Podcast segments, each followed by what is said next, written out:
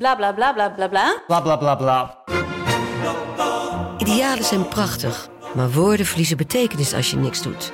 Dus laten we met z'n allen wat minder praten en meer doen. Bij Agmea zijn wij vast begonnen. Zo gaan wij voor minder verkeersslachtoffers, gezonde werknemers en duurzame woningen. Waar ga jij voor? Kijk op www.werkenbijagmea.nl Deze podcast is 100% expertisevrij en alleen geschikt voor amusementsdoeleinden. De inhoud mag dus niet worden beschouwd als financieel advies. Dit is Jong Beleggen, de podcast. Ik ben Milou. En ik ben Pim. En in deze aflevering een overzicht van alle beleggingsstrategieën en filosofieën die er zijn. Ja, ik heb zoveel geleerd de afgelopen 30 maanden. Tijd voor een samenvatting. Ja, dat is zoveel materiaal dat we het over twee afleveringen gaan verspreiden. We hebben het over ETF beleggen, waarde beleggen, dividend beleggen nou, en nog veel meer. Ja, compounders, growth at a reasonable price, groei beleggen. En dat is nog maar deel 1. Nou, eh, laten we beginnen. Ja.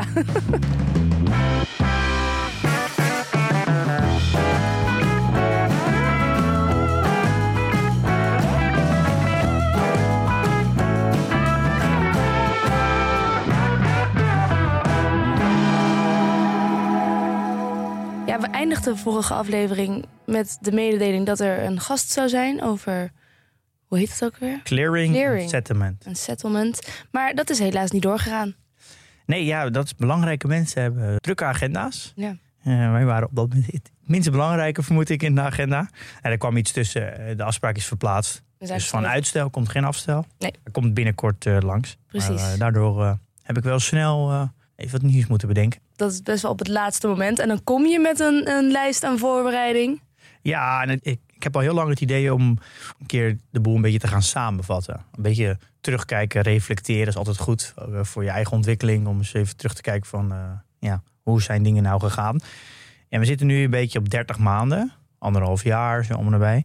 Ja, informatie ver, verwatert ook een beetje. Als je natuurlijk eh, anderhalf jaar lang heel veel informatie aan het verwerken bent, dan ja, heel, veel- ja, op een gegeven moment is informatie van een jaar geleden ook een beetje troebel geworden. Dus is altijd goed om even, Ja, even terug te pakken. ja Dan zeggen ze ook vaak als je bijvoorbeeld een boek leest om notities te maken. En dan om de zoveel tijd eens even al je notities terug te lezen. Komt, dan komt dat boek langzaam weer een beetje, een beetje naar boven. precies. Dus dat gaan wij nu ook doen. En we hebben natuurlijk, we gaan niet alle afleveringen doornemen en daar de, de lessen van uithalen. Maar wat wel leuk is om te doen, is om eens te kijken van, nou, we hebben zoveel strategieën en filosofieën de afgelopen tijd eh, voorbij zien komen.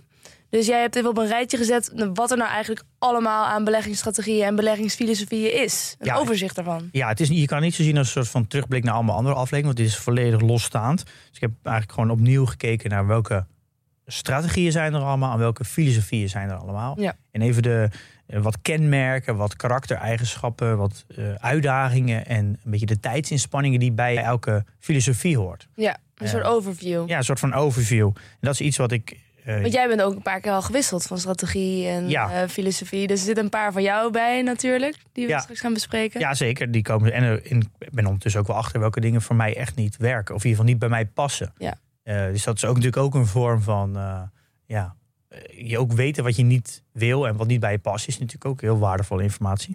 Ja, want zo'n zo'n strategie is natuurlijk super persoonlijk. Ik wil er geen tijd in steken. Jij vindt het leuker om er tijd in te steken. Bijvoorbeeld, dat is wel één verschil tussen ons.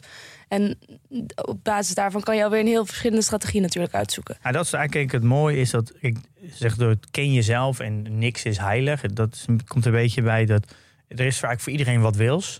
Het is eigenlijk heel goed om te weten ja, hoe zit je zelf in elkaar, van de tijdsbesteding tot aan het risico, tot aan eh, hoe diep wil je gaan. Ja, voor alles is er wat. En ik ben ondertussen wel achter dat geen enkele strategie eh, heilig is. Dus het is als iemand zegt, ja, deze strategie is de beste, dat is onzin. Ik geloof dat er niet een beste strategie is. Uiteindelijk is wat het beste is, is een combinatie tussen hoe jij bent en de strategie. Ja. Eh, en natuurlijk uiteindelijk de uitvoer. Je kan met elke strategie de markt outperformen. Dus die, dat, die eeuwige Ja? Eh, dat iemand een verkeerde strategie heeft of dat zijn strategie beter is, vergeet het. Uiteindelijk gaat het om de uitvoer. Ja, Je kan wel misschien wetenschappelijk onderbouwen dat sommige strategieën misschien een, een, verho- een hogere kans hebben, eh, statistisch gezien. Eh, maar dat gaat over zoveel data, zo lang terug dat je af kan vragen, ja, hoe relevant is dat echt voor een, als je dat helemaal terugbrengt naar gewoon een retailbelegger, Ja. die wel transactiekosten moet betalen. Dus uiteindelijk is het heel belangrijk dat je, dat je iets, ja, iets doet wat heel erg goed bij je past, wat dicht bij je staat. En wat je vooral, dus misschien het allerbelangrijkste, ook het gevoel hebt dat je dat heel lang volhoudt. Ja, zeker. Dat, dat weten we. Dat is de belangrijkste regel ongeveer. Ja, en ik denk dat die discussie over waarde en groei, dat is een soort van eeuwige discussie, dat iedereen eh, constant tegen elkaar staat. Alsof je een soort van eh, elkaar moet overtuigen dat Ajax beter is dan Feyenoord. Uh, als Feyenoord-fan of als Ajax-fan, dat heeft natuurlijk helemaal geen zin. Dus ik denk dat dat een, uh, dat ben ik er ondertussen wel achter. Dus je moet iets, iets vinden als een soort van jas wat heel erg, wat instant lekker past. Ja, moet je dus eerst heel goed snappen, hebben we het ook vaak over gehad, hoe je zelf in elkaar zit. Ken jezelf. Ja, dat van geld. Ja, dat is natuurlijk een hele belangrijke. Wat, wat ik net al zei, je moet, als je wil weten welke strategie goed bij je past, moet je jezelf kennen. Ja. Daarom gaan we ook langs alle karakteristiek. Want uh, wat, wat mij heel erg opgevallen is, bijvoorbeeld uh, waarde beleggen, best wel een tijdrovende vorm van beleggen is. Dus daar gaan we zo nog in detail op. En dat, dat is iets wat ik eigenlijk gaandeweg pas achter ben gekomen. En als je dus niet bereid bent om, om die wekelijks die tijd erin te steken, ja, dan kan je zeggen, hé, hey, misschien is het wel een strategie waar ik heel erg in geloof, maar past dus niet helemaal in de fase waar ik nu, in de fase waar ik nu zit met mijn leven. Dus dan zou je misschien de strategie iets moeten wijzigen. Of een gedeelde strategie moeten doen. Ja. Uh, dus ik, het idee dat je dan, oké, okay, omdat een waardestrategie heel goed past, moet ik, ga ik het volledig doen. Dat is dan helemaal niet handig, omdat je dan foutjes gaat maken. Omdat het niet matcht met wie jij op dat moment bent. Ja, precies. Uh, kijk, uiteindelijk heb je natuurlijk altijd gewoon de fundamentele analyse die, ongeacht hoe je ook belegt, dat zal je altijd moeten doen. Daar ja, zit niet zoveel verandering in. Al zal bij de ene strategie het meer leunen op de cijfers, meer jaarrekening, meer waarderen. En zal de fundamentele analyse iets minder belangrijk zijn. En bij sommige type strategieën zal de fundamentele analyse veel belangrijker zijn. Ja. Zal het gewicht daar meer liggen dan op de, op de cijfers en de waardering. Ja, bij mijn strategie is de fundamentele waardering wat minder belangrijk. Ja, en eh, wat ook nog eigenlijk het, heel, handig is om voor meer kaders te hebben, is dat je. Het gaat uiteindelijk om je beleggingsuniversum verkleinen. Uh, Mhm. is, er zijn zoveel aandelen. Ik over 10.000, 20, 30.000 aandelen. Het is zo makkelijk als je, als je wat kaders hebt voor je filosofie en strategie, dat je al heel veel aandelen weghaalt. Uh, Ja. En uh, dat is natuurlijk al stap 1. Dus die verkleint gewoon heel erg de pool van aandelen waar je naar kijkt. Dat is sowieso handig als je al wat beperkte tijd hebt. En dan de volgende stap heb je ook nog je circle of, je circle of kunde. Uh, dus je circle of competence hebben we wel eens in het Ja. Engels. Uh, die verkleint ook weer een heel groot gedeelte je, je selectie. En dan heb je natuurlijk daarna ook nog eens welke aandelen zijn dan ook op dat moment voor jou interessant om te kopen. Dus koopwaardig. Dus dan, zo, zo maak je eigenlijk elke keer die, die groep aandelen steeds kleiner. En dat komt eigenlijk al voordat je dus aan een beleggingsstrategie of filosofie begint. Nou, eigenlijk je beleggingsfilosofie en strategie zorgen dat die, dat die hele universe kleiner wordt. Dus dat is als je bijvoorbeeld heel erg waardebeleggen doet, dan, dan kan je eigenlijk alle aandelen die geen winst maken, die kan je eigenlijk al weghalen. Oké. Uh, dus Ja. dan heb je al een heel groot uh, en uh, aandelen die heel duur zijn. Uh, die haal je, dan kan je al een hele snelle schifting van aandelen boven de ik veel, koerswinstverhouding van 100. Ja. Die haal ik al uit. Dus dan kan je heel makkelijk. uh, ja, dan maak je die enorme beurs die er is behapbaar. ja, en dan kan je dus veel meer je energie. Want je hebt beperkte, beperkte tijd en beperkte energie. Die kan je dan heel erg ja, een soort van channelen naar een kleiner groepje aandelen. Precies. Oké, dus je hebt eh, beleggingsstrategieën en filosofieën. Wat is ook weer precies het verschil? Nou, laten we eerst eigenlijk een soort van disclaimer zeggen dat alles wat ik nu ga vertellen, dat er zijn geen harde definities, er zijn geen directe kaders. Bijvoorbeeld eh, Charlie Munger zegt iedereen is een waardebelegger, Eh, want je wil uiteindelijk, ja, natuurlijk, uiteindelijk wil iedereen een, niet meer betalen dan wat hij krijgt. Als je van tevoren weet dat je 2 euro betaalt voor iets van een euro, ja, dat wil je natuurlijk niet. Dus Ja. in de essentie is natuurlijk iedereen een waardebelegger. Alleen ja, als je die kaders zet, zo werkt het natuurlijk niet.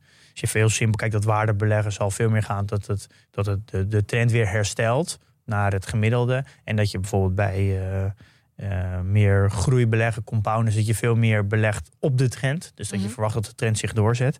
Dus het kan allebei nog steeds een stuk waarde zijn. Alleen de manier hoe, er, hoe je het aanvliegt is natuurlijk anders. Ja. Eh, dus laat dat al als eerste zeggen dat de kaders.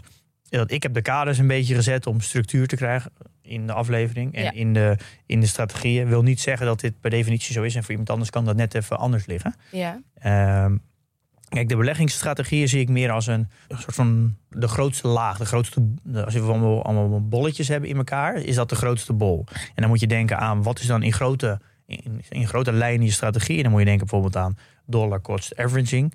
Eh, Dus de DCA-strategie. Dus je hebt gewoon een strategie. Ik ga elke maand of elke, in een interval wat erin stoppen. Je hebt dan de core en satellite, de Mhm. long en short strategie. Of de single en multi eh, asset strategie. Dat zijn de grote, Ja, eh, ja. de grote lijnen, de strategie. En dan heb je de beleggingsfilosofie. Dat is, die zit daar weer in. En ja, precies. Dus wil- het is overkoepelend, de strategie. en ja. dat kan je eigenlijk toepassen op meerdere... Ja, en daar in binnen, en daarbinnen zit de filosofie. En de, je Ja. kan ook alles combineren als je wil. Dus je kan ook zeggen, ik wil zoveel procent in dat, zoveel procent in dat. En als, je, als het gaat over beleggingsfilosofieën... eh, dan moet je denken aan ETF beleggen, waarde beleggen, dividendgroei beleggen, compounders, Mhm. eh, GARP, groei beleggen, en dus cyclisch aandelen, turnaround, small caps. En bijvoorbeeld ook low fertility, momentum en asset opportunities. Dus Mhm. dat zijn, naar mijn idee, filosofieën die je kan toepassen eh, binnen een strategie. Eh, je kan het natuurlijk ook heel simpel houden door te zeggen: ik combineer de, stra- de strategie DCA met de beleggingsfilosofie ETF. Heel Ja. simpel. Dat doe ik. Ja, is heel simpel. Dus je kan dat eigenlijk soort van combineren. Maar je kan ook zeggen, wat ik bijvoorbeeld doe, is een, een eh, drie- 33, 33, 33. Dan combineer ik meerdere beleggingsfilosofieën samen. Ja. Ja. Ehm, het is denk ik heel, het maakt dat eigenlijk allemaal, het maakt allemaal niet uit, maar het is heel belangrijk dat je goed begrijpt eh, ja, wat het inhoudt en, en wat, wat eigenlijk de karakteristieken zijn van die keuze. Ja, en waarom is dat zo belangrijk? Nou, dat weet ik wel. Zodat als je een keer in de stress raakt over iets, omdat je denkt van hé, hey, dit gaat helemaal de verkeerde kant op, dat je weer kan herinneren aan nee, maar dit was mijn filosofie, ik heb daar bewust voor gekozen en dit is mijn houvast.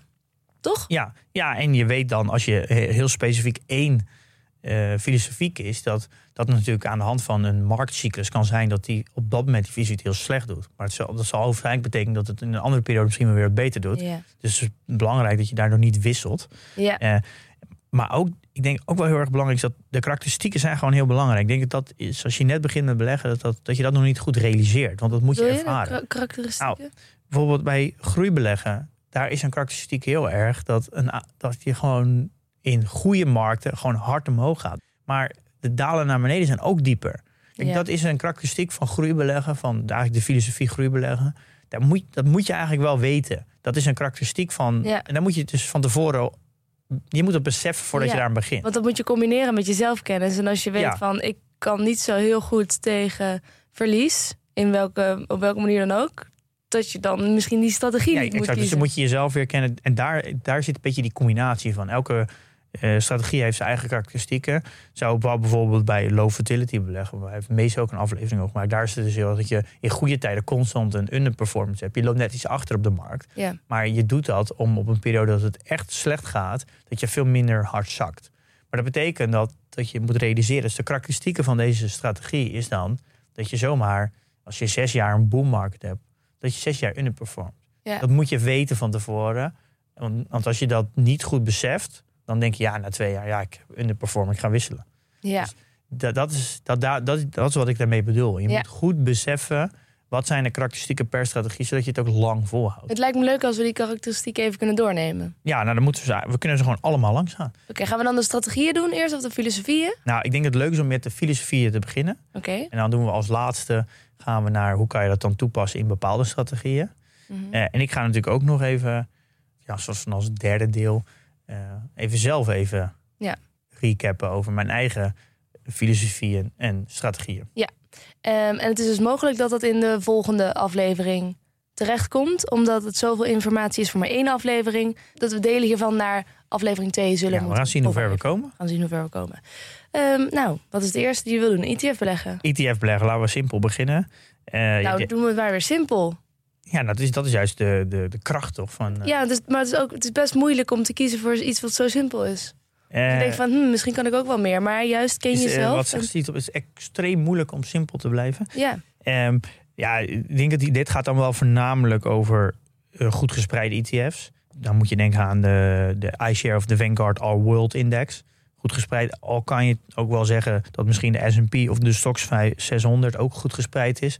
Maar ja, dat, is, dat moet iedereen voor zich bepalen. Heb je natuurlijk geen wereldwijde spreiding. Maar, Ja. Eh, maar dat, is, dat is iedereen aan, aan zich. Dus het gaat om een goede spreiding. mhm. En wat hebben we dan als kenmerken? Eh, ja, het is simpel en eenvoudig op te zetten. Het is heel makkelijk om het tientallen jaren vol te houden. Ja, omdat er heel weinig Ja, tijd eh, in gaat zitten. ja, je moet alleen een beetje kijken hoe, hoe ja, je moet even wat, ken, wat tijd investeren in de opzet. Dus wat, wat doe ik dan? Waar doe ik dat dan? Ga Ja. ik dat, er, ga ik dat onder beheer doen? Want je kan ook een beetje fondsen doen nemen natuurlijk in plaats van ETF's. Ja. Ehm, en ga ik zelf de, de ETF kopen of doe ik het geautomatiseerd? Ja, en je hoeft niet heel gedetailleerde kennis te hebben. Ik bedoel, het is wel handig om in grote lijnen te snappen hoe beleggen werkt natuurlijk. Maar je hoeft niet precies elke mechanisme helemaal... Nee, ik denk wel dat het belangrijk is dat je in grote lijnen wel weet hoe de markt werkt. Ja. Want je kan wel, als we het dan even hebben over de verwachting die je kan hebben met de, de performance, is dat je natuurlijk exact de markt ja, eigenlijk nabootst. Dus je gaat geen outperformance halen, maar ook niet echt een underperformance. Maar dat wil niet zeggen dat je niet 50% naar beneden kan. Kijk, er zijn Mhm. periodes geweest dat beurzen ook, gewoon de brede beurs, ook gewoon 50% naar beneden ging. Ja. Ook al volg je met de ETF de markt, is een 50% daling nog steeds pittig. Hoe vaak gebeurt zoiets? Ja, ze zeggen dat 50% daling, dat is wel extreem hoor. Dat gebeurt gewoon één keer in, in een generatie. Wat In- bedoelen we met generatie? Nou ja, gewoon de millennials is een generatie, boomers is een generatie. Dus een generatie is denk ik 20, 25 jaar. Dat het een daling van 50% Ja. eh, in het verleden dan. Dus je moet wel e- enigszins basiskennis hebben van de beurs. Zodat je weet dat de, dat de economie en de beurs een klein beetje samenlopen. Dat het ook wel eens een keer flink kan dalen. Dat je daarop voorbereid bent dat je niet uit die ETF's nog stapt. Ja. Dus een beetje basiskennis is wel belangrijk om niet in paniek te raken. Ja. Ehm, ja, ik denk dat de, de uitdagingen niet heel hoog zijn bij een ETF. Vooral volhouden als het laag staat, denk ik. Eh, en probeer misschien te automatiseren door en wat slimmer om mee om te gaan door bijvoorbeeld een agenda-item in te plaatsen, zodat je het niet vergeet. Waarom vind je het, eh, waarom haal je dat puntje specifiek aan, die uitdaging? Nou, omdat namelijk per. Ik, heb, eh, ik probeer bij elke eh, filosofie probeer ik de kenmerken, de, de verwachtings, dus een beetje performance, de uitdagingen en de tijdsinspanning aan te halen. Dat zijn een beetje de vier blokjes die ik nu ga doornemen. Ja, oké. Dus En de is- tijdsinspanning. Ja, ook dus. niet heel. Het ligt een beetje aan hoe je het doet, maar eh, ik denk dat je het eh, in vrij beperkte tijd kan doen. Ja. Dus iedereen kent deze natuurlijk. Eén transactie per maand bijvoorbeeld. Ja. Ja. en dan kan je ervoor kiezen om dat te automatiseren of juist een agenda-item in te zetten als je salaris binnenkomt bijvoorbeeld. Ja. Dan gaan we de volgende is waarde beleggen. Daar hebben we het natuurlijk wel al veel over gehad. Dus waarde beleggen als filosofie. Ja. Eh, is dat je probeert bedrijven te zoeken die, ja, waar je minder voor betaalt dan wat, waar je, wat je ervoor krijgt. En dan liefst ook nog eens met een, een eh, margin of safety, dus een soort van veiligheidsmarge. Dat als je berekening fout is, je waardering fout, dat je nog een beetje marge hebt. Ja. Eh, je zou een beetje kunnen zeggen dat je daarmee speculeert naar de terugkeer naar de trend. Er is iets met het aandeel wat. eh, en Ja. dat je verwacht dat het uiteindelijk weer terug gaat naar de trend. Dat uiteindelijk een soort efficiënte markt. Ja, dat is wel een beetje waar je naar kijkt. Ja. En want de markt gaat in principe heeft altijd periodes met soort van over- en undershooting. Dus er zal altijd te veel, eh, ja, zit even, hoe zeg je dat? Eh, Sentiment. ja, enthousiasme in de markt. En er zal eh, tijden zijn waar de beurs heel pessimistisch is. Ja. Nou, ik denk dat we dat nu zien. Dat er nu aandelen zijn. Vergeleken met in 2020, 2021 was dat niet zo. Maar nu, nu zijn er echt aandelen dat mensen echt denken... nou, dit, dit gaat nooit meer geld verdienen. Soms kan, een, kan er zoveel sentiment in de markt zitten... dat iedereen denkt, nou, dit gaat nooit meer goed komen. Ja. Dus dat is een beetje... eh, ehm, en ja, en dan kijk je... Ja, je hebt dan een intrinsieke waarde... en soms is een aandeel overgewaardeerd en ondergewaardeerd. En wat je eigenlijk doet, is je koopt het aandeel... als het ondergewaardeerd is. Op het moment dat het jouw berekende fair value bereikt... Ja. verkoop je het weer. Ja. Wat wel voor mij een beetje de, vaak de kenmerken zijn... dat het zijn vaak niet de allerbeste bedrijven in de wereld. Het zijn vaak, ja, hoe zeg je, de net niet aandelen. Omdat de allerbeste bedrijven altijd wel gewoon echt hoger worden. Nou ja, echt goede kwaliteit wordt vaker wel door de meesten erkend. Dus daardoor zijn de, de ja, kan dus vaak nooit echt de toppers met een flinke onderwaardering kopen. Mhm. Komt vaak ook wel in sectoren terecht. Niet vaak technologie, kom je daar vaak niet echt in terecht bij waardebeleggers. Die zitten ook in, eh, vooral in sectoren waar wat minder groei zit. Mhm. bedrijven die wat langer bestaan. Ehm, dus dat, dan moet je rekening mee houden dat je dan ja, wat andere type bedrijven aan het, aan het onderzoeken bent. Dus dan moet je daar wel plezier uit halen om bijvoorbeeld een eh, PostNL te onderzoeken of een eh Heidenberg segment of een DHL. Ja, zijn dat bedrijven die je met heel veel plezier onderzoekt? Zijn dat de bedrijven waar je graag naar een earnings call kijkt? Dat is wel iets wat je moet realiseren als je aan het waardebeleggen bent. Ja. Want je, je komt niet zo snel bij een Apple uit. Nee, oké. Eh, Ja. Kan wel natuurlijk, maar er zijn gewoon relatief weinig periodes in het bestaan van Apple geweest dat het een waardeaandeel was. Oké. Ehm, dat is iets wat je, dat is een kenmerk, dat moet je realiseren. Ja, en qua- qua verwachting is denk ik wel een bewezen strategie dat je zou kunnen outperformen. Eh, je zou misschien in een bull market ietsie achterblijven. Eh, maar ik denk dat eh, als je een goede margin of safety in je portfolio houdt, dat je ja, minder, minder diepe dalen heeft. Dus dat je in een bear market best wel goed kan outperformen. Ja. Ik denk over deze strategie kan je niet zoveel zeggen of het nou beter is of slecht is. Ik denk gewoon dat heeft 100% te maken met, je, met de uit, uitvoering. Uh, maar jij maakt zeker kans om, om een outperformance te halen. En dan de uitdagingen. Ik denk dat het heel belangrijk is als je waarde belegt dat je heel goed kijkt naar de cijfers. Je moet heel goed kunnen waarderen. Je moet van nature een beetje conservatief zijn. Ja. Hele duidelijke regels hebben en niet, niet jezelf voor de gek houden in waarderen. Hmm. Uh, dus je moet eigenlijk 9 van 10 keer nee zeggen. Uh, en echt geduld hebben dat je echt pas koopt als je die, als je die uh, margin of safety bereikt hebt. Ja, ik heb zelf het gevoel dat het meer leunt naar een jaarrekening lezen en waarderen. dan naar de, compleet, de rest van de complete fundamentele analyse. Dus het is wel een onderdeel natuurlijk. Maar het gewicht ligt, maar dat is mijn persoonlijke kijk, meer op waarderen en op die jaarrekening goed begrijpen. Ja. Dat is een heel belangrijk onderdeel, vind ik, in waarde beleggen.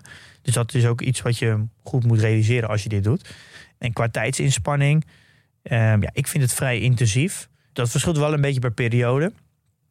Um, je bent niet de hele tijd aan het handelen natuurlijk. Dus... Nee, maar je, bent, je, je moet een aandeel verkopen als het op je fair value komt. Dat is een beetje het Ja. idee. Zodat je altijd een korting, dus een veiligheidsmarge in je portfolio. Dat is eigenlijk constant het idee. Dus constant die, die korting eruit halen. Ja. En dat is wel, daarom is het ook heel moeilijk om een strategie, bijvoorbeeld een groeistrategie met value aandelen te vergelijken. Want misschien heb je een aandeel over vijf jaar periode 100%.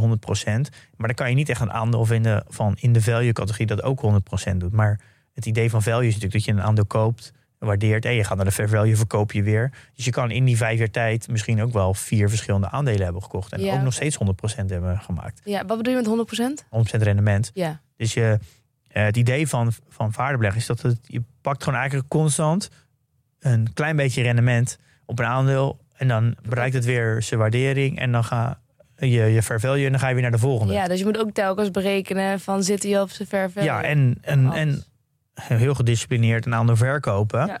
En weer een nieuwe terugkopen. Ja. Dus er kan periodes zijn dat het, de beurs een beetje vlak beweegt. Ja, dan Ja. gaat een aandeel niet zo snel naar zijn fair value. Ja. Kan je misschien een, misschien een periode van een jaar, twee jaar helemaal niks doen. Ja, Ja, dus, maar dit, dit kan dus een periode zijn dat, heel, dat je heel veel doet, periodes dat je heel weinig doet. Ja. Ehm, het meest ideaal is natuurlijk dat een, ook een waardeaandeel natuurlijk meestijgt. Dus je constant die waardering naar boven kan doen. Maar ja, dan, dat zou kunnen, dat is het meest ideale. Maar dan kom je naar mij en dan zijn het vaak niet echt de klassieke waardeaandelen. Kan wel, bijvoorbeeld in Dennis' portefeuille hebben we het vorige keer over gehad. Die heeft Google gehad. Ja. Die heeft hij dus nooit verkocht. Maar dat zie je ook, dat is niet, ook niet echt een klassiek waardeaandeel. Hij heeft het hem alleen op het juiste moment een keer gekocht ja. dat het binnen zijn strategie paste. Ja. Dat het met, met die korting, met die eh, margin of safety. ja precies. Ehm, dus dat is wel een beetje, ja, dat is wel iets wat ik eerst instantie niet wist toen ik begon aan waarde beleggen. Nee. Dat is ook de reden waarom ik meerdere strategieën in mijn portefeuille heb. Dit is, de, dit is voor mij de ideale manier om te leren wat zijn de karakteristieken per filosofie. Daarom heb ik waarde beleggen, groei beleggen en Ja. harp. Nu weet ik heel goed wat voor effect het heeft als ik eh, ga waarde beleggen. En ik merk dat ik daar, ja, nou, we komen daar later op. Ik ga, ga later een soort van overal samenvatting geven van hoe ik het ervaren heb. Ja. Ehm, nou, de volgende dividend groei beleggen. Mhm. Hier ben ik natuurlijk eigenlijk mee begonnen. En eh, dat was eigenlijk een, ja, voor mij toen dat heel logisch, omdat het ja, belegt voor inkomen. Dat, dat is, dan maak je heel snel die link natuurlijk met, met huizen, met woningen, vastgoed. Je hebt maandelijkse huurinkomen, Ja. inkomsten. Nou, dat is natuurlijk ook met dividend. En dan heb je daar in dividend twee soorten. Je hebt dan de mensen die beleggen in meer dividend beleggen en dividendgroei beleggen. In het begin hadden we ook nog wel eens dat jij ging mededelen hoeveel dividend je had. ja, ja, dat klopt, ja. Dus de dividendgroei houdt in dat je vooral belegt op een, een dividend die elk jaar flink groeit. Dus het 10% plus. Waardoor je misschien een lagere yield hebt waar je mee start. Maar zo, als je dat lang vasthoudt, dan groei je daarin. Ja. Wordt automatisch vanzelf meer. En bij echt dividend beleggen beleg je vaak wat een hogere yield. Vaak 2,5, 3 starten mensen vaak. Daarboven is het aandeel interessant. Het dividend is wel bewezen dat het een heel groot onderdeel is van lange termijn rendement, omdat je dividend kan herbeleggen. Alleen, ja, mensen die dividend beleggen is vaak toch wel een buy and hold. Maar het is toch een, dan zit je toch, heb je toch vaak aandelen die of heel, die soms echt heel duur zijn. En dan hou je ze toch vast. En heb je aandelen die dan, ja, die of soms wel weer goedkoper zijn als de dividend verlaagd wordt. Want dan krijgt de, de koers echt een knauw. Mhm. Het, ik voel toch bij dividendbeleggen heb ik toch altijd een beetje het gevoel dat ze zitten te wachten dat het dividend een keer verlaagd wordt en dan teleurgesteld zijn en dan flinke koersverlies hebben en dan weer eh, en, dan, en, ja, en, en dan verkopen. het is denk ik een prima strategie die je kan, eh, die je kan, kan toepassen. Want het is, het is niet zo volatiel. Een dividend zorgt voor een demper. Want ja, je krijgt nou eenmaal dividend, eenmaal dividend. En als dat ook nog eens met in een acceptabele payout ratio. Dus dat, je, dat ze bijvoorbeeld maar 75% van de winst uitkeren.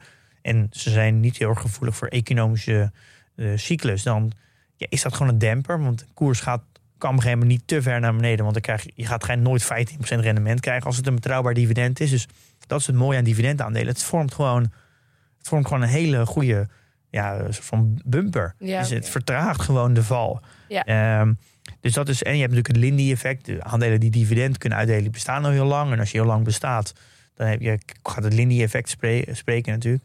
Iets wat, langer, iets weer? langer, wat langer bestaat, is de kans dat het ook nog langer gaat bestaan, is groter. Ja. Dus een beetje hetzelfde als een boek 10 jaar bestaat, is de kans groter dat het boek er na 20 jaar nog steeds is. Ja. Dan dat het boek die dit jaar bestaat, over 20 jaar nog is. Ja. Dat is ook wel, zijn wel voordelen. Het is, dividend is in essentie natuurlijk gewoon een. Je hebt gewoon vrije kaststroom en je kan wat met de winst te doen. En dividend is daar natuurlijk een onderdeel van. Dus je kan ook wel zeggen, het is een beetje eh, ideeënarmoede. En waar je denk ik vaak bij dividendaandelen heel goed moet uitkijken dat het niet. Op een gegeven moment, als ze natuurlijk steeds meer uitkeren, dan wordt er steeds minder herinvesteerd, waardoor groei steeds moeilijker wordt. Ja. Waardoor er steeds meer geoptimaliseerd gaat worden om winst te verhogen. Maar dat heeft ook zijn limieten. En dan kom je op een gegeven moment in zo'n fase dat je dat innovatie er een beetje uit is. Dat, je, dat, er, dat het bedrijf ver genoeg geoptimaliseerd is. De omzet groeit niet meer. En dan zit je eigenlijk een soort van vast. En dan is het natuurlijk eigenlijk wachten op één tegenslag. En dan wordt het, gaat het dividend naar beneden. Dus het, je wil het liefst natuurlijk een combinatie dat het bedrijf blijft groeien. Maar dat er ook nog steeds dividend wordt uitgekeerd. Dan heb je, natuurlijk, dan heb je een soort van ideale sweet spot. ja. Dan, zou het heel, dan kan een bedrijf het heel lang volhouden. Maar dat is wel een beetje een unieke combinatie, toch? Nou, er zijn, ja, er zijn best wel wat bedrijven die, eh, die dat kunnen. Dus dat Zoals? is, eh, nou, ik denk dat kom je heel erg bij de, de Johnson Johnson, denk ik, uit. Een beetje die hoek, de aristocrats. Ja. Nou, bijvoorbeeld Coca-Cola is er ook een, maar die heeft echt moeite met McDonald's. Maar die heeft echt moeite om hun omzet te kunnen verhogen. En Ja. die echt eh, een jaarlijkse dividend te verhogen gaat echt met centen. Eh, Ja. Dus dat is, ja, dan op een gegeven moment zie je zo- zo'n einde van zo'n cyclus van zo'n bedrijf. Maar het is een, eh, een prima strategie. eh, Het geeft wel heel veel rust. Ik denk dat dat een hele fijne vorm van beleggen is. Het, Vanwege het dempende effect. ja, het geeft heel veel rust. Je gaat, je gaat gewoon prima mee met de markt. Het effect naar beneden is vrij klein. In een beermarket heb je ook nog eens vaak 3% eh, extra cash. Want dat krijg je uitgekeerd als dividend. Ja. Dus dan kan je er weer herbeleggen tegen lagere koersen. Ja. Je krijgt inkomen. Je focust meer op je inkomen dan op je koers. Het, geeft, het, het is wel een, een strategie die, die wat, rust, wat rustgevend is. Eh, dus- En heel concreet, tastbaar bijna. Ja. Omdat je daadwerkelijk iets uitgekeerd En krijgt. het leunt iets minder op de fundamentele analyse, omdat je eh, ja, best wel goed kan kijken naar de, de dividend, betrouwbaarheid, track record. Ja. Dus hebt- het is een, ik snap dat wel dat mensen deze strategie toepassen. Dit was uit aflevering 5, hè, toen jij het hierover over had. Dit Ja. was echt het begin van jou. Ja, dat klopt. Die ben ik mee begonnen. Dit, Ja. dit is ook wel echt een buy and hold strategie als je het goed toepast. In de, in de meest ideale scenario. Ik denk Ja. wel dat als je dit goed wil toepassen, zul je toch wel op tijd afstand moeten nemen van aandelen. Om te zien, die dividend is niet meer helemaal houdbaar. Eh, en misschien als het aandeel echt heel duur is, dat je er misschien iets mee doet. Positie verkleint of toch verkoopt. Ja. Eh, want ja, dat is wel als het dividend verlaagd wordt. hebben we met Shell gezien. In de coronacrisis, die kon het dividend niet meer vasthouden. Die, die, liet, ja, die was eigenlijk zijn status kwijt. Nou, dan krijgt het aandeel echt een dreun naar beneden. Ik denk dat dat voor dividendaandelen, de echte klassieke dividenden, misschien het, het grootste gevaar is. Kunnen ze een dividend nog, eh, nog blijven betalen? Ehm, en qua tijdsinspanning, ik denk dat dit vrij passieve vorm van beleggen is. Pa- Los aandelen is never nooit passief, maar dit is een Mhm. vrij passieve vorm. Omdat er geen techni- zo'n fundamentele analyse... Nou, dat moet er wel, maar je, eh, als een bedrijf gewoon elk jaar zijn dividend verhoogt met kleine stapjes. En het, eh, het, ja, het is groei is goed in te schatten. is een beetje iets, misschien iets meer dan hoe de wereldeconomie groeit. Dan hoef je natuurlijk niet zo heel veel te doen. Dat is vrij goed te Ja. managen. Ja, je hoeft niet zoveel te verkopen, zei je net al. Ja, dus eh, ik denk dat je kan, je moet misschien wel, je moet wel constant kijken natuurlijk, maar je hoeft- is qua handelingen vrij beperkt. Oké. Ehm, dus dit is, ik snap wel dat veel particulieren dit doen. Ik, dit is qua wel goed te combineren met een baan. Oké. Dan hebben we de, de compounders. Als een eh, filosofie investeren in compounders. Hebben we natuurlijk al, eh, nou, het voelt als gisteren dat we het erover gehad hebben. Ja, Dus daar, die, moet je maar, die aflevering moet je eigenlijk maar even terugluisteren als je daar nog niks van weet. ja vorige Eh, aflevering. gaat eigenlijk naar bedrijven die, die elk jaar al hun vrije kaststroom herinvesteren. tegen een hoger rendement, waardoor het nog meer wordt. En dat geld wat ze dan een jaar daarna weer hebben, weer kunnen herinvesteren. Wordt weer meer. Dus eigenlijk het compounding effect in je portefeuille, maar dan in een bedrijf. Ja. Hoe, hoe mooi wil je het hebben in het beleggen eigenlijk? Ja, dit is, naar mijn idee is dit echt de utopie van beleggen. Ja? Vind, dat is in ieder geval, vind ik. Omdat het compound interest idee in het beleggen dat er in het bedrijf dit- zelf zit. Ja, dit is naar mijn idee echt buy and hold. Ja. En dit is eigenlijk, als je beleggen zou omschrijven, denk ik dat dit zou je eigenlijk zeggen. Als je het heel simpel aan iemand zou uitleggen, bijvoorbeeld aan een kind, zou je zeggen: wordt aandeelhouder, wordt mede-eigenaar van een prachtig bedrijf dat de komende twintig jaar gaat groeien. Ja, en ja, blijf daar aandeelhouder van. Ja. Dat is eigenlijk het, het meest ideale. Ja. Ook misschien In het, plaats van al die trucjes toepassen met verkopen op het goede moment. Ja, en weer, dat is ja. het meest natuurlijke, denk ik. Ja. Komt ook het dichtst bij gewoon ondernemer zijn, denk ik. Ja. Alleen, ja, die zijn er gewoon niet zoveel. De echte compounders die gewoon twintig jaar lang kunnen compounden, ja, die zijn vrij zeldzaam. En volgens mij, eh, als je Warren Buffett over hoort, zeg ja, dat, wij hebben er maar drie in ons leven meegemaakt. Dus. Misschien wat overdreven, eh, is misschien wat te weinig, maar ja, ik snap wel zijn idee. Dit zijn gewoon aandelen die je niet zo vaak tegenkomt. Ja. En als iedereen zegt dat dit een compounder is, dan ben je natuurlijk eigenlijk te laat. Want je wil is. eigenlijk het liefst natuurlijk. Ja, nou, dan heeft hij al een heel groot stukje van het rendement gepakt van eh, die je eigenlijk zelf had willen hebben. Ja. Dus het is, ik denk dat dit het is misschien lastig om dit als echt strategie te doen. Het is alleen wel zo, als je een compounder in je portfolio hebt, in een vroeg stadium, ja, dan heb je de jackpot. Ja. Ehm, Het enige wat je dan nog fout kan doen is dat aandeel verkopen. ja, ja, exact. Dus ik denk dat dit een filosofie is dat je ehm, niet je op, op kan beleggen. Je kan niet zeggen, ik beleg alleen maar in compounders. Ja, dat kan wel, maar dan beleg je denk ik in compounders die al, die al bewezen hebben dat ze compounder zijn. wil niet zeggen dat ze dat niet meer kunnen, maar zit je een beetje in de late fase van compounding. Maar dat je, je altijd je ogen moet open hebben van als je iets van de karakteristieken van een compounder in je portfolio ziet, Ja. dat je de fout niet maakt dat je ze Ja. verkoopt. En ik denk, ik heb ondertussen best wel wat beleggers, eh, grote beleggers ge- over gelezen. En ook andere beleggers die al, gewoon particuliere beleggers die al lang beleggen. En ik denk dat elke belegger zegt, mij fout waar ik het meest spijt van heb, is aandelen verkopen. Ja. Kijk, iemand die tien, tien jaar belegd heeft gezet, die heeft wel acht jaar geleden Apple in zijn portefeuille gehad. Zeggen, nou, een ritje van 100% heb ik verkocht. ja. Of Microsoft. Ik denk dat ze het allemaal wel zeggen. En het is een beetje de vioollerares die allemaal kindjes in de klas heeft. Waarvan, die allemaal wel getalenteerd zijn, allemaal potentie hebben. Maar je kan niet, terwijl het nog een klas is, zeggen... dit worden allemaal wereldsterren. Er wordt er misschien één een wereldster van. Maar dat moet nog, het moet nog blijken natuurlijk op dat moment zelf. Ja, maar de, de, de- als je dat in die metafoor dan zou zeggen... dat, je, dat ze dan veel te snel eh, die kinderen wegstuurt... eh, Ja. en dan niet meer les gaat geven. Ja, Eh, ik Dus denk dat dit wel heel belangrijk is... dat je, dat je beseft dat, dat een compounder je portfolio... op je rendement op lange termijn kan maken. Helemaal als je er vroeg bij bent. Dat, Ja. En dat je, dat je, je wil gewoon geen compounder verkopen. Het is best zuur dat als je een aandeel gewoon nog 1500% stijgt... en jij hebt daar... en jij, had daar op een gegeven moment een 8% positie in. Dat had gewoon je outperformance kunnen zijn... gewoon, tien, gewoon tien jaar lang ja. Dat is misschien dan je, je, je allergrootste fout eigenlijk die je hebt gemaakt. Dat, is, dat staat in het niks met, met alle andere fouten die je gemaakt hebt. Dat een aandeel niet uitkomt wat je had verwacht. Wat je Ja. dan met 30% verlies verkoopt. Zo, dat staat allemaal in het niks met, met een compounder te vroeg verkopen. Ja. ja, dus de uitdaging is hier de compounder herkennen.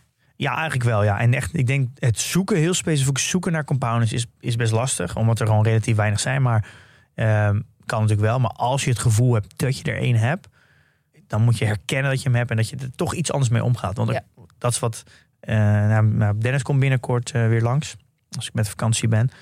Ehm, en daar gaat Dennis het volgens mij ook over hebben. Hm. Ehm, Tijdsinspanning? ja, de tijdsinspanning. Ik denk als je een echte compounder in je portefeuille hebt.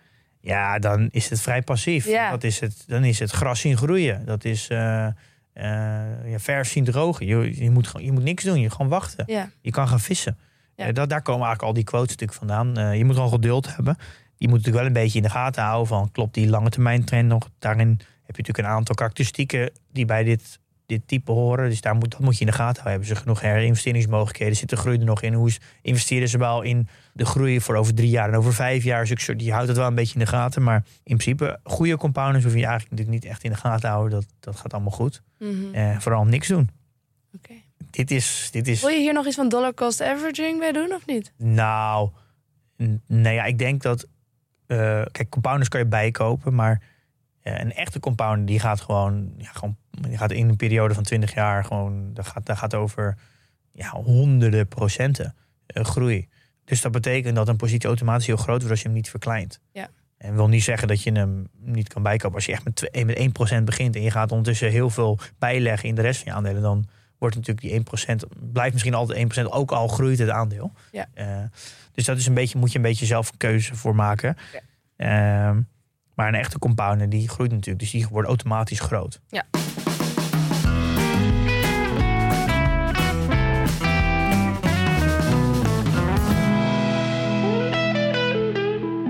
En de volgende filosofie. Eh, growth at a reasonable price. Dus Ook heel veel over gehoord. Ja, dit is, dit is echt wel een beetje een soort van filosofie voor de laatste jaren. Het is een beetje een combinatie tussen groei beleggen, daar komen we zo op, en waarde beleggen. Ik- Heel veel echte, de, de wat oudere beleggers, die zien dit helemaal niet als strategie. Oh. Maar waar het een beetje in zit, mij, voor mij is dan de, de, de lijn is dat groeibeleggen gaat voornamelijk over. Ja, dus er is, dan is het bedrijf nog niet in de winstoptimalisatiehoek. Dus dan is het vooral bezig met marktaandeel veroveren. Eh, totaal niet efficiënt. Het, het is helemaal niet bezig met, een, met efficiëntie optimaliseren. Eh, maar bij GARP zit je daar wel veel meer. Er is al de, de, de, de outlines van de optimalisatie van het bedrijf is al een beetje begonnen. Maar er zit nog wel groei in. Dus een beetje groei tussen de 5 en de 15 procent. Mhm. Al een beetje iets aan de, en, eh, een beetje aan de bovenkant van die, wat ik, aan die range die ik net vertel. Eh, dus dat, je kan toch wel niet spreken van waardeaandelen nog. Eh, bij waardeaandelen is meestal de groei er wel uit. Ja. Dus het zit een beetje in, de, in die hoek nog. Het kan nog heel veel pakken in de vorm van organische groei. Het kan nog heel veel pakken van eh, optimalisatie, het bedrijf verder optimaliseren. Dus het, is, het zit een beetje in die. Het is iets veiliger ook, omdat het een bewezen verdienmodel heeft. Het al een bewezen inkomstenstroom, dat groeit ook nog. Dus het, zit, het is een iets veiligere. eh, het is toch groei, maar niet, met iets minder risico. Niet super volatiel. Ja, zo zou ik het wel een beetje zien. En Ja. wat ik zei bij waardebeleggen zijn het vaak, ja, misschien niet de allerbeste bedrijven. Zou het bij Garp wel kunnen, want je, je gaat de waardering heel erg aanpassen aan de groei. Eh, En dat is wel voor mij een belangrijke kenmerk, is dat als je eh Garp aandelen gaat waarderen, hou je heel erg rekening met groei in je waardering. Wat is er al ingeprijsd? Ja, ja ook, maar ook en, en je doet een groeivoorspelling. Je doet heel erg een, en dan ben je niet heel erg consultief. Je bent wel aan het kijken van ja, wat is wel echt een realistische groei. Ja. En dan ben je dus veel meer kijken naar de trends. Waar gaat het bedrijf Ja. naartoe? Wat, zijn de, wat doet de, de, de markt qua groei? Eh, Het klinkt wel als een iets gecompliceerdere filosofie. Omdat je ook een soort van toekomst moet gaan voorspellen. je bent toch bezig, je bent veel bezig met de toekomst. Ja. En dan ben je ook dus ook aan het kijken. Daardoor verschuift automatisch iets meer naar de fundamentele analyse. Ja. Omdat je bekijkt, ja, kan, is, het, is dit management goed genoeg om die groei te kunnen halen? Wat zijn de plannen van het management? Wat is hun track record? Eh, is het nog founder-led of niet? Wat is de cultuur? Ja. Eh, in welke markt begeven ze? Zitten ze al, hebben ze al een nieuwe markt aangeboord waar nu groei in zit? Dus als je bijvoorbeeld even kijkt naar eh, Microsoft, die heeft natuurlijk de cloud-divisie waar nu heel veel groei uitkomt. Ze hebben nu de advertentiebusiness aan het opzetten. Nou, bij Apple heb je bijvoorbeeld de services, ook ads die ze nu aan het groeien zijn. Ze hebben ze, heeft het bedrijf al een soort van divisies lopen die nu nog heel klein zijn, maar waar heel veel groei in zit. Zodat Ja. je een beetje een schatting kan maken over de toekomstige groei. Dat zijn een beetje de kenmerken, denk ik, waar je op. eh, eh, ze bewegen over het algemeen aardig met de markt mee. Denk ik dat je dat wel kan verwachten. Misschien iets meer omhoog in een bull market eh, en in een bear market misschien ietsje verder naar beneden. Dat is wel een beetje, omdat er toch zit wat groei ingeprijsd en dat, Ja, daardoor zijn ze iets duurder. Dus ze zullen daardoor het reageert Iets net iets meer mee. iets volatieler zijn, denk ik. Dat is wel een beetje wat je kan verwachten. Mhm. Eh, Kun je een leuke outperformance maken, zeker in de bullmarkt. Maar ik denk dat dat wel mogelijk is, ja. Eh, en ik vind kwaliteit heeft ook, ook wel een, kan ook wel een dempend effect hebben. Of een snel herstellend effect. als het een kwaliteitsbedrijf is. Er, ja. ja. Eh, ja, dat is wel een beetje. En de tijdsinspanning, ik denk dat het, omdat het bedrijf groeit en dat de groei ook zich vol blijft houden en ze gaan ook optimaliseren, eh, zitten, er, zitten er best nog wel. Kunnen, kan de markt best wel snel onderschatten dat, het, dat de groei toch. dat ze verwachten dat het lager is, dat het uiteindelijk hoger uitpakt.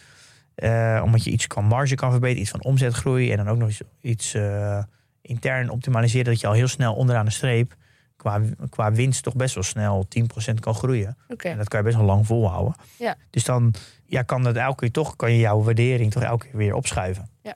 En ik denk ook wel dat als het, als het echt goede bedrijven zijn, dat je, dat hoe je dat in jargon dan mooi noemt, de portfolio turnover, dat dat toch wat lager is. Dus dat houdt in dat, eh, dat je aandelen toch wel minder snel verkoopt dan bij waardeaandelen. Oké. Ik denk dat je GAR-bedrijf veel meer vindt ook in technologie. Dus als je dat een hoek vindt die je heel interessant vindt om te analyseren, dan is, vind je GARP-aandelen veel sneller daar. Waarde-aandelen vind je minder snel in de technologiehoek. Oké, dus dat is growth at a reasonable price. Dan hebben we nog een volgende filosofie, dat is groei beleggen. Wat is dan het, precies het verschil daarmee? Ja. an unreasonable price? Nou ja, groei is, voor mij gaat groei, is volgens mijn definitie, dan heb je eigenlijk ook nog een overtreffende trap en een story beleggen. En dat, dat zie je nu niet zo heel veel meer dan, dat is echt een beetje de venture capital van de beurs. Dus de bedrijven die echt nog helemaal geen winst maken en waar je het echt moet kopen op een, op een verhaal. Ja. Daarom story. Ja. Bijvoorbeeld bedrijven die heel erg nu in de, in de 3D-printing zitten en aerospace en zo. Dat zijn allemaal, dan moet je echt een groot verhaal Ja, hebben. En ook het kan enorm groeien, maar het is nog ja, wel en ook allemaal elektrische auto's. Dat is nu dan niet meer. Dat was dan een paar jaar geleden. Ja. En bij groei, dat is dan een beetje de overtreffende trap. Dat is waar vooral normaal eh, durfkapitaal in zit. Ja, dat dat gebeurt nog- vooral buiten de beurs. Ja. Maar in een beetje de ex, ja, soms heeft de beurs wat excessen en dan verschuift dat ook naar de beurs. Bijvoorbeeld eh, NX eh, Filtration, volgens mij. Dat Mhm. is in Nederland een bedrijf. Dat is toch wel. eh, dat zit wel een beetje in de hoek van storybeleg. Het heeft nog geen omzet. Het heeft wel heel veel. Avantium volgens mij ook heeft een idee dat ze een fabriek op gaan bouwen. En ze hebben daar nog een idee dat ze daar volgens mij bepaalde plastic flessen kunnen maken die bepaalde recyclebaar zijn. Of Ja, ik weet niet exact, maar dat, dat is wel een beetje een, een story beleggen, vind ik. Want ze maken nog helemaal geen omzet, nog niet bewezen dat, dat dit echt... Het is echt een verhaal. Je koopt dit aandeel echt op een verhaal. Ja. Eh, biotech hoort daar ook wel een beetje in, vind ik. En dan bij groeibeleggen, dat is misschien iets lager. Daar, daar zitten bedrijven die echt alleen maar bezig zijn met groei. Groei, groei, markt, positie veroveren. Eh, totaal niet bezig met optimaliseren. En, de bedrijf is eigenlijk maar twee dingen bezig. Sales en marketing en productontwikkeling. ja. Eh, dus je zal ook zien dat, dat ze onderaan de streep verlies draaien. Omdat ze gewoon extreem veel, dus veel van hun omzet een hoog percentage uitgeven aan sales en marketing. Soms kan dat wel eh 20, 30 procent zijn. Ja. Eh, wordt totaal, echt totaal inefficiënt, echt gewoon volledig inefficiënt gerund. Wordt totaal niet, wordt gewoon maakt ook helemaal geen winst. honderden mensen worden, worden aangenomen elke maand. Eh, en eh, er komt natuurlijk, het begin met de periode, eh, onwijs veel adverteren, komt de periode dat, dat die markt gaat consolideren. En dat er dan in één keer behoefte is aan winst. En dan wordt de boel geoptimaliseerd. En dan verschuift het langzaam, als dat ook echt gebeurt, dan verschuift het langzaam naar beneden naar GARM. Want je kan dan niet meer kaart blijven groeien. Dit is wel wat we bij veel bedrijven hebben gezien de afgelopen Ja, ik denk dat? Just Eat daar ook wel een mooi voorbeeld, voorbeeld van is. Dat is natuurlijk, alles was geoorloofd als het maar groeide. Ja, en Uber? Eh, Uber natuurlijk ook. En maar er zijn heel veel van die techbedrijven die, eh, die dat hebben gedaan. En waar hier vooral de kenmerk in zit, dat je heel erg kijkt naar de TAM. Eh, wat is de bruto marge? Wat, is de, eh, wat voor marge kunnen ze uiteindelijk halen? Ja. Wat als ze de sales en marketing, de SME en de R&D kosten naar acceptabele niveaus brengen. Dus gewoon, eh, nou ja, een paar procent van de omzet. Dan wat blijft er dan aan, eh, aan netto marge dan over? Dus je kan een soort van projectie maken van hé, wacht even, als, een, als ze de, naar, no- over tien jaar naar normale percentages gaan die breed geaccepteerd zijn, wat, voor, wat blijft er onderaan de streep aan, eh, aan netto marge over? Met vooral, en dan is jouw uitdaging eh, als belegger, als ze dat doen, gaan ze, houden ze dan nog steeds die marktaandeel. Dus Ja. verliezen ze geen marktaandeel als ze gaan optimaliseren. Dat is eigenlijk je fundamentele analyse. Is het bedrijf zo sterk dat als ze gaan optimaliseren, dat ze een marktpositie houden? Ja. Eh, dat is denk ik wel een hele belangrijke vraag bij, bij groeibeleggen. Eh, want kijk, omzetgroei, omzet is heel makkelijk te koop. Eh, alleen de kwaliteit van goede omzet, kan je dat op lange termijn omzetten naar, naar winst? En ik denk dat, oh, gelijk maar reflect- reflecteren, dat is voor mij, dit is echt een, dit is een denkproces die ik niet heb toegepast. En dat wist ik eigenlijk toen nog niet goed genoeg bij Just Eat. Daar ging het vooral om omzet, omzet, omzet. En dat, dat deden ze ook heel goed. En ik heb die vertaalslag nooit goed bewust gemaakt dat als, ze, als dat een keer stopt en ze gaan optimaliseren, kan dat dan ook omgezet worden naar winst. En als dat omgezet naar winst, houden ze dan nog steeds hun marktpositie? Gaan ze daardoor niet krimpen? Ja. Eh, dus de, de, wat is de kwaliteit van de omzet nu? En dat is denk ik een hele belangrijke vraag bij groeibeleggen. En je zit dus in een veel onzekere, ja, je zit in een onzekere positie met dit aandeel. Want als dat niet lukt, dan ja, dat heeft niet echt een bodem. Het, het heeft geen, als het geen winst heeft, heeft geen bodem. Want dat is in principe, ja, het kan gewoon failliet gaan natuurlijk. Ja. Eh, het heeft Ja, geen wel effect in de vorm van winst of eh, dividend of eh het aandeleninkoop. Eh, dus de verwachting, ja, wat kan je verwachten? Ik denk dat in in eh, goede markten kan je gaan verwachten dat deze aandelen heel goed doen. Dus, Mhm. nou, dat hebben we ook gezien. Eh, in slechte markten, dat zien we nu ook.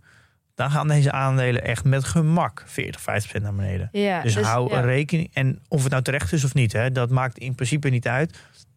Dan gaan alle aandelen gaan bijna mee dan. Ja, dat- dus daar zit ook wel een belangrijk verschil met eh, growth at a reasonable price. Het is veel volatieler. Ja, veel hier. Omdat natuurlijk growth at a risk maken winst, naar mijn idee. Ja. Dus dempend. En ja, geen winst eh, betekent gewoon eh, geen, ja, geen bodem. Dus dit is wel een beetje een filosofie voor de daredevils. Nou ja, je moet, je moet, gewoon, je moet, dit, je moet dit gewoon realiseren. Dat dit het effect is. Ja, dat moet, dat moet je gewoon beseffen. Dit, dit, is, heel, dit is heel belangrijk. Hier kan je nog steeds mee markt outperformen met deze strategie. Alleen je- het zal veel bewegelijker zijn. Daar zal je mee moeten omgaan. Of je zou daar beter op moeten anticiperen. Ja. Eh, en ik denk dat heel erg de uitdaging is dat je niet betaalt voor de hype. Hier is het heel belangrijk om, om onafhankelijk te denken. Want het is heel snel dat, dat deze aandelen gaan heel snel, kunnen heel snel hard omhoog gaan. Dat iedereen denkt, oh, dit wordt, het wordt veel over gesproken. Aandelen die hard stijgen, krijgen gewoon veel meer aandacht. Ja. Ja, en je, er is gewoon weinig bewijs dat dit gaat lukken. Dus je, het zijn vaak bedrijven die natuurlijk in een nieuwe industrie zitten. Want daar, ja, daardoor kunnen ze hard groeien. Want er is, ze hebben een soort van eh, ja, groot maaiveld voor zich. En ze moeten, of een jungle voor zich. En ze moeten zelf het pad nog vinden. Dus, maar dat betekent wel dat je heel ver kan lopen. Er zijn nog geen pa, ja, ge- gecreëerde paden. Daarom kan het zo hard groeien. Ja. Ja, je, je, moet heel, ja, je moet toch anders naar zo'n bedrijf kijken. Je kijkt dan, misschien kan kennis van de industrie kan jou als voordeel brengen. Je kijkt heel naar de cultuur. Dan zit het qua cultuurwijs goed in elkaar. Wordt het goed geleid? Wat is de, de, filosofie, ja, wat is de visie van het, van het bedrijf over vijf en over tien jaar? Is dat realistisch? Eh, ja, en gaat, het, eh, gaat zo'n bedrijf uiteindelijk echt goed winstgevend worden? En want Mhm. daar is, is vaak de prijs wel naar. Eh, ja, dat is een beetje de million dollar question hè, bij, Ja. bij groeibeleggen. Gaat er Ja. veel tijd in zitten? Nou ja, ja, ik denk het wel. Ik denk dat als je dit, dit, ja, ja, dit is wel, je moet het wel leuk vinden. En ik denk dan voelt het niet heel snel als tijd, want het is, ja, het is wel heel leuk om groeibedrijven te analyseren. Ja, het, is gewoon heel, ja, het zijn vaak nieuwe bedrijven. Je leest er veel, je bent vaak ook consument ervan. Dus het maakt het, maakt het interessant om te volgen, denk ik, voor Ja. de meesten. Ja. Dus de tijd is spanning. Ik denk wel, als je, dit, als je een paar goede aandelen hebt, dat het wel, wel buy and hold kan zijn. Want het heeft natuurlijk een hele lange runway. Een aandeel wat klein is, wat nog hard groeit, zou in theorie natuurlijk de nieuwe Apple kunnen zijn. Dus Ja. zou dus heel lang mee kunnen gaan. Precies, ja. Dus je, daar, dat zou betekenen dat je, dus, dat je hem heel lang vast kan houden. Ja. Eh, maar dat, eh, ik denk wel met, mm, eh, dat als het, als het verhaal niet helemaal klopt, dus het, het groeit hard, maar het moment dat de sales en marketing naar beneden gaat, omdat ze gaan optimaliseren en instant stopt de groei, Ja. dan, heeft het dus helemaal, dan kan het organisch dus niet meer groeien. Dus dan moeten ze eigenlijk al hun klanten kopen. Ja, dan zijn, dan, die moeten wel kort op zitten. Want dat is wel het moment dat je eigenlijk gelijk weg moet zijn bij zo'n aandeel. Ja, ja. Eh, Spannende filosofie. dus je, je moet er wel kort op zitten. Ja. En ja, en het is heel volatiel, hè, deze aandelen. Ja, daarom. Ja. Dus eh, Uitkijken. ja, dus ik, ik, ik ben hier wel... Je zou zeggen, hey, groeibeleggen is heel leuk. Ik, heb, ik ben, kom hier toch wel een beetje van terug. Maar eh, ik ben daar toch wel wat... mijn mening is daar wel een beetje over veranderd. We zijn nu ongeveer halverwege bij het bespreken van de eh, beleggingsfilosofieën. Ehm, dit waren een beetje de usual suspects. Hè? Ik heb deze allemaal vaak voorbij horen komen. Er staan er nog meer, zie ik in het lijstje, die iets minder bekend zijn. Maar die wel heel leuk zijn om te bespreken. Ik denk dat het goed is als we die naar de volgende aflevering tillen. Ja, dat lijkt me goed. En dat we daarna ook nog even ingaan op jouw lessen dan van de afgelopen 30 maanden. Met betrekking tot die filosofieën. Ja, ik heb heel... En de strategieën moeten we natuurlijk ja, ook en de strategie. Ik ben, we hebben wel heel duidelijk nu... eh, eh, wat goed bij mij past en wat niet bij mij past. Ja, dat gaan we eens even evalueren dan. Oké, nou ehm, jongens, dan eh, kijken we rijkhalzend uit naar de volgende aflevering. Trouwens, ehm, ik vroeg me af of er nog kaartjes zijn. Ik heb helemaal niet gekeken, maar we hebben natuurlijk onze show straks, 29 oktober in de Kleine Comedie vanaf 2 uur 's middags. Ehm, is het al uitverkocht? Weet jij dat? Nee, er zijn nog wat kaarten. Nou, dat kan dus nog via de kleinecomedie.nl of eh, via de show notes. Ja. Hopelijk zien we jullie daar in de Kleine Comedie. Eh, jongens, in de tussentijd investeer in je kennis en beleg met beleid.